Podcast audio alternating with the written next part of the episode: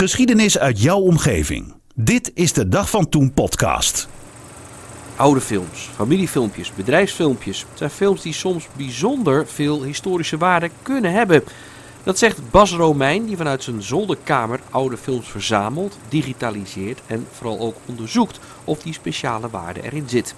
Over de speurtocht naar die opmerkelijke film of die kostbare foto.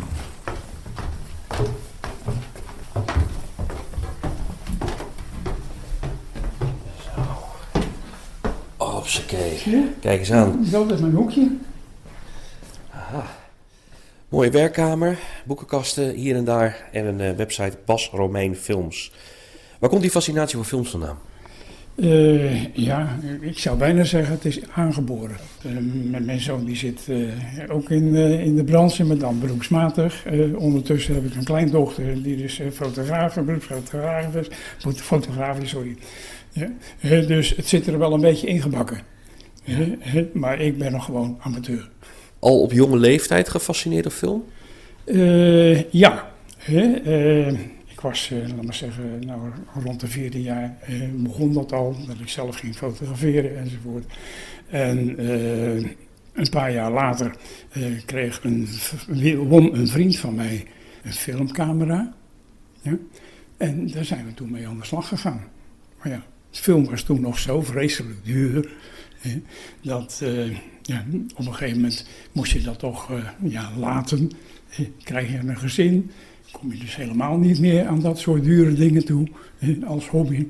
En eh, pas vele jaren later, toen ik al 25 jaar getrouwd was, toen pas ben ik weer verder gegaan, want toen was ook de opkomst van de video 8 camera's.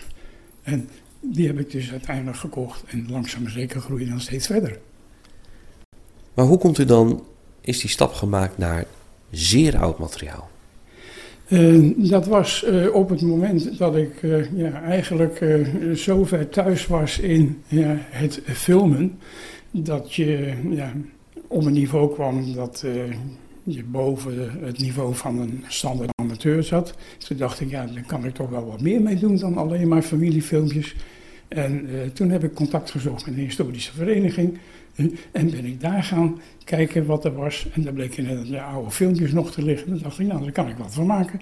DVD'tjes van gemaakt enzovoort. En voor de historische vereniging verkocht. Eh, En zo groeit het steeds verder. En uiteindelijk ben ik dus ja, letterlijk onder eigen naam verder gegaan. Waarom kunnen dat soort familiefilmpjes interessant zijn? Dat is omdat ze ja, een stukje geschiedenis geven, weergeven en eh, cultuur laten zien. Wat eh, meestal onder de radar is gebleven door de ja, grote media. En eh, daarmee krijg je dus gewoon een heel mooi tijdsbeeld. Ja, kunt u een voorbeeld geven? Nou, dat kan bijvoorbeeld dus gewoon zijn een, een klein familiefeestje. Dat kan, eh laat maar zeggen, Sinterklaas. Is zoiets. Hoe deden ze het toen? eh, be- bevrijdingsfeestjes, noem maar op. En als je daar een aantal van die dingen bij elkaar zi- ziet, over verschillende jaren, krijg je dus gewoon een, ja, een hele ontwikkeling te zien. Als ik vraag aan Bas of hij opmerkelijke filmpjes kan laten zien, dan komt er een hele reeks tevoorschijn. Zoals de beelden van Loet van der Vorm van mei 1940. Loet van der Vorm filmt hier een panorama met op de achtergrond de Bosjeskerk bij het Pompenburg. De molenstomp van de Blauwe Molen, Stadhuistoren, Loet van der Vorm, dat is een Rotterdamse ondernemer geweest. We zien eh, eh, beelden van na 14 mei 1940. En eh, van een neef van hem heb ik dat uit de nalatenschap gekregen. Dat waren dus alleen maar stomme beelden natuurlijk toen de tijd. de Hugo de Grootstraat met voetgangers en het Witte Huis. Hij staat met zijn camera waarschijnlijk op het dak van de getroffen fabriek van Jamin aan de Goudse Rijweg, Hugo de Grootstraat. Benadert u die mensen zelf? Of wordt u ook benaderd van, goh, ik heb interessante beelden? Ja, dat is eigenlijk van twee kanten. Eh, natuurlijk ben ik zelf steeds op zoek naar mensen die dus, eh, ja, waarvan ik weet dat ze films hebben. Of, of ik krijg tips van mensen die eh, weten dat er iemand is die wat heeft. En uh, ik publiceerde natuurlijk, of ik vraag het ook gewoon op mijn website, uh, eventueel op YouTube uh, of Facebook. En naar aanleiding daarvan krijg ik natuurlijk reacties. En voor de rest ben ik gewoon op zoek ook in de archieven naar materiaal wat is blijven liggen en uh, eigenlijk nooit uh, is gepubliceerd. Maar Romein heeft meer dan alleen beelden gevonden. Zo stuit hij ook op geluidsfragmenten van de bevrijding van de zogeheten reportagedienst. Ze maken daar opmerkzaam op hier, eindje verder op de Koolsingel, staan een hoop mensen in een kring te dansen op de maat van de muziek. Er komen hier geregeld geallieerde wagens voorbij, ik geloof er weer iets aankomt. De politie probeert hier de mensen te stoep houden, is weer met paarden bezig, het is een ouderwets gezicht. Het lijkt hier wel één zee van oranje. De dames lopen met oranje strikken in haar haar. Er staan een schare waterpadvinders, hebben een pad naar het stadhuis afgezet. Boven het balkon van het huis staat het zwart van de mensen ook. In eerste instantie kwam ik uh, tot de ontdekking dat er dus uh, mensen geweest moesten zijn van de binnenlandse strijdkrachten die dus geluidopnamen hebben gemaakt tijdens de bevrijding. En daar had ik een paar kleine stukjes van in een film verwerkt. En naderhand kwam ik tot de ontdekking dat er in de archieven in ieder geval nog meer opnamen waren. En die verder eigenlijk amper uh, nooit gepubliceerd waren.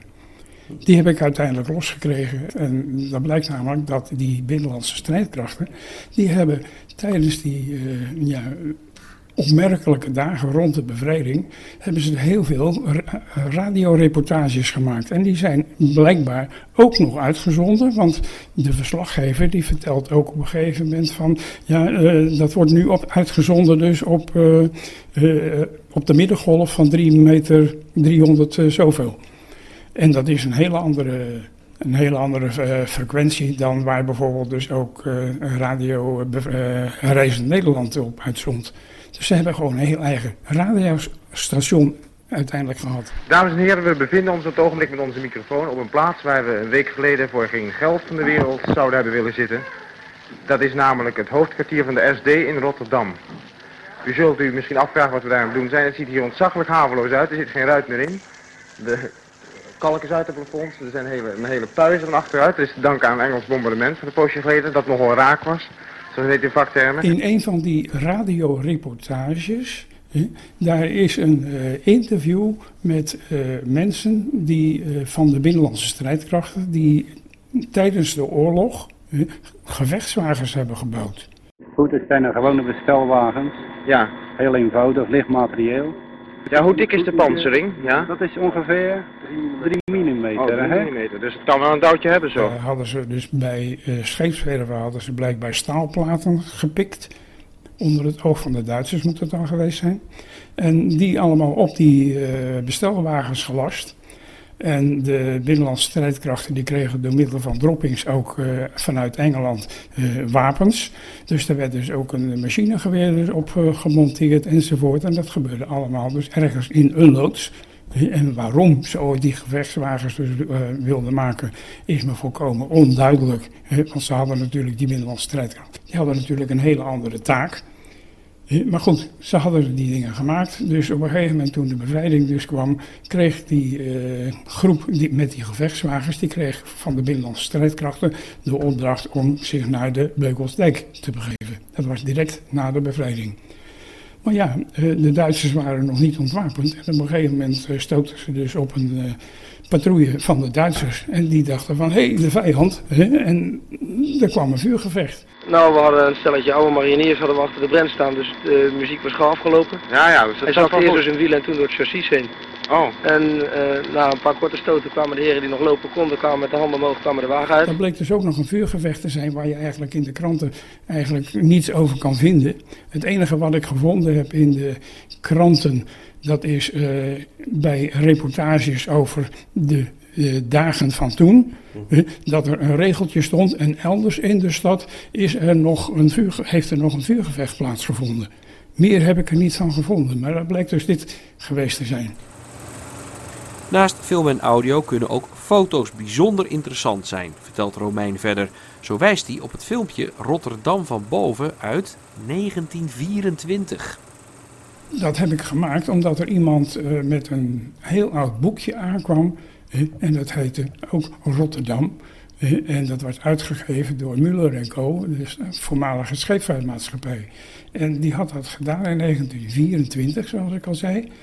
Want dat was precies het moment dat eh, in Rotterdam het vliegveld Waalhaven dus eh, eh, gesticht werd en, opgebouwd. En de KLM ook begon met luchtfotografie. En wat blijkt dus nu? Die, die Muller Co. die was dus ook aandeelhouder van de KLM. En die had dus een aantal van die luchtfoto's gebruikt voor een soort reclameboekje. voor hun eh, relaties van dit is Rotterdam en allemaal mooie luchtfoto's. Dat waren dus eigenlijk de eerste Rotterdamse, het Rotterdamse van boven, zoals ik het noemde. We zien een, eh, een, eh, toestel, een Fokker denk ik dat het is, of niet? Eh, dat zal, ja, F, ja F2. Dat is op het eh, vliegveld Waalhaven. Ik ben dus beelden gaan zoeken eh, van eh, het vliegveld eh, Waalhaven en hoe dat daar dan toe ging. Ik heb foto's gevonden van eh, 1922. Toen eh, men begon met eh, het maken van eh, luchtfoto's, gewoon zo'n open vliegtuigje. En daar heb ik dus een intro van gemaakt. En in het boekje stonden dus al die luchtfoto's. Die heb ik netjes ingescand.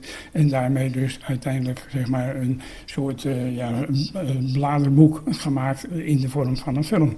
Waarbij je dus al die oude fo- foto's weer terugkomt. Nou, we hebben hier een, eh, een blik over eh, het postkantoor en het eh, stadhuis. Met nog al die oude bebouwing die dus in de oorlog verdwenen is eromheen. Nou, hier zien we een vliegtuigje boven de stad op de plek waar het station DP, de nu Centraal Station zeg maar ongeveer. Is dat het Witte Huis wat ik daar zie op ja, inderdaad. Het Witte Huis is eh, duidelijk herkenbaar met de havens daaromheen. In de Maasbruggen. Ja. Maar nog zonder de hef. En dat is dan een aanwijzing voor? Nou, de, de tijd waarin het opgenomen is. Maar goed, ik, ik ben dus inderdaad aan de hand van die foto's gaan zoeken van wanneer moest dat dan geweest zijn. En eh, die hef speelt daar ook een rol in. Want op een gegeven moment eh, kom je tot de ontdekking eh, wanneer die hef gebouwd is. Dus het moet allemaal daarvoor geweest zijn. Hoe kwam u aan dit boekje? Dat een schoonzus in dit geval, eh, die eh, kwam tot de ontdekking dat eh, haar man dat nog ergens had. En die had dat blijkbaar ook weer van zijn vader, die dus ook in de haven gewerkt had. Dus het lag dus kennelijk daar al in de familie. Dus zij kwam op een gegeven moment, toen, ze dus, toen de man overleed en het opruimen was, kwam ze dat boekje weer tegen. En zei van, hé, hey, dat is misschien wat voor Bas Romein. Hadden ze door dat dit eigenlijk hele bijzondere foto's waren? Ja, het zijn oude foto's, maar het was nog niet te plaatsen. En dat is het leuke van mijn werk met dat maken van die films. Je moet natuurlijk een stukje research plegen van wa- wat zien we nou eigenlijk. En Want het heeft geen zin om zomaar een filmpje eh, op internet te kwakken. Eh, je moet natuurlijk wel eh, daar zoveel informatie aan toevoegen dat het ook voor iedere buitenstaander en iedere eh, ja, eh, jongere generatie ook begrijpelijk is. Je moet het kunnen plaatsen, je moet het kunnen duiden. Dus vandaar ook dat ik dus ook die stomme filmpjes allemaal dus van commentaar voorzien. Het zijn niet alleen maar beelden uit de Tweede Wereldoorlog die interessant zijn voor Romein. En eens in de één of twee maanden meldt zich iemand bij de mannen Barendrecht met een nieuwe stapel filmbeelden. Nou ja, dan eh, zit ik gelijk recht overeind. En, eh, ja, en het is eh, gebruikelijk dat als, laten we zeggen, amateurbeelden zijn en eh, die, die ik dan mag bekijken of het interessant voor me zijn. Als dat blijkt dat het inderdaad interessant is, dan eh, bied ik ze meestal aan dat ik het voor hun dan ga laat di- digitaliseren. Maar kijkt u dan ook met een ander oog daarnaar van, goh, hé, hey, wacht eens even, dat is interessant, dat is interessant? Ja, het gaat natuurlijk echt om de dingen die ook voor een ander interessant kunnen zijn. Wat voor dingen dan? Hoe moet ik dat zien? Eh, nou ja, dat kan eh, ja, gewoon zo zonder meer een, eh, een, een feestje zijn, laat maar zeggen. Dus gewoon de bevrijdingsfeesten. die dus overal plaats hebben gevonden. Die uh, ontwikkelden zich tot steeds iets anders. met Sinterklaas is dat precies hetzelfde. je ziet dus een stukje geschiedenis voorbij komen. hier in Barendrecht heb je de bouw van de hele wijk Canisselanden. Er zijn mensen die hebben dus nog de, het gebied gefilmd toen er nog helemaal niets gebouwd werd. En ook tijdens de bouw. Nou, dan kun je dus de hele geschiedenis van die wijk, die hele ontwikkeling, kun je op een gegeven moment ook dus op die filmpjes terugvinden. Is er veel vraag naar? Uh, nou ja, als je kijkt naar uh, het aantal kijkers naar, uh, op de films, dan moet het inderdaad zo zijn. De, het filmpje wat het meest bekeken is, heeft inmiddels al zo'n 120.000 kijkers gehad. Welk filmpje is dat? Uh, dat is een filmpje over uh, Rotterdam in de jaren 60, het centrum van Rotterdam. Uh, Rotterdam toen heet dat. De Leenbaan, de eerste winkelpromenade in Nederland, was inmiddels een schitterende bloemrijke oase geworden. Met bedrijven zoals restaurants Wienewald en Rutex, Scheffer en tal van winkels met mooie etalages. Het eerste autovrije winkelgebied van de wereld is een rustpunt te midden van de omringende bouwwerken met hijskranen. Je ziet bijvoorbeeld een uh, lijnbaan die dus uh, heel kleurig is met uh, heel veel bloemperken. En je ziet mensen allemaal keurig netjes gekleed. Het is allemaal heel gemoedelijk en het wemelt dus ook van de reacties daarop. Men is verbaasd dat men toen zo netjes gekleed was. Als, je kijkt naar de bloemperken, dan krijg je opmerkingen uh, daarbij die zeggen van ja, maar als ze dat nu nog zouden doen, dan zouden die bloemen binnen de kortste keren gejat zijn enzovoort, of platgetrapt, want men heeft daar geen respect meer voor. Andere tijdsgeest. Juist, en daar zie je dus het verschil in tijdsgeest. nou, en dat maakt dat soort films juist interessant. Um, stel, iemand heeft boven nog wat uh, oude filmbandjes liggen uh, die gemaakt zijn door opa en oma. Uh, wat raadt u aan? Kijk er zelf naar. Wees er om te beginnen zuinig op. Maar bovenal neem contact op met mij. Ja, men denkt heel vaak van ja, maar die filmpjes dat zijn allemaal privé dingen, van gewoon privé gelegenheden. Maar heel vaak werd er toen bij grotere gelegenheden, bij festiviteiten en dergelijke werd er gefilmd. Juist omdat het materiaal zo duur was. En juist die festiviteiten en al die andere uh, zaken die dus buiten de directe familiesfeer vallen, die zijn voor mij interessant. En die zijn dus ook interessant dus voor alle huidige kijkers. En Romein heeft nog heel wat in petto voor de komende periode. Deze week zijn de beelden online gekomen van de opening van het knooppunt Kleinpolderplein, van wat nu de A20 is. De beelden zijn allemaal te zien op de website van Bas Romein. Als je zoekt op Bas Romein Films en dan is het Romein met E lange ei, dan kom je uit bij de website. Er staan ook de contactgegevens van Bas Romein, zodat, mocht je interessante films hebben, je ook met hem contact kan opnemen. Historische verhalen uit heel Zuid-Holland. Van de Bollenstreek tot aan Rotterdam. En van Den Haag tot aan Gorkum. www.dagvantoen.nl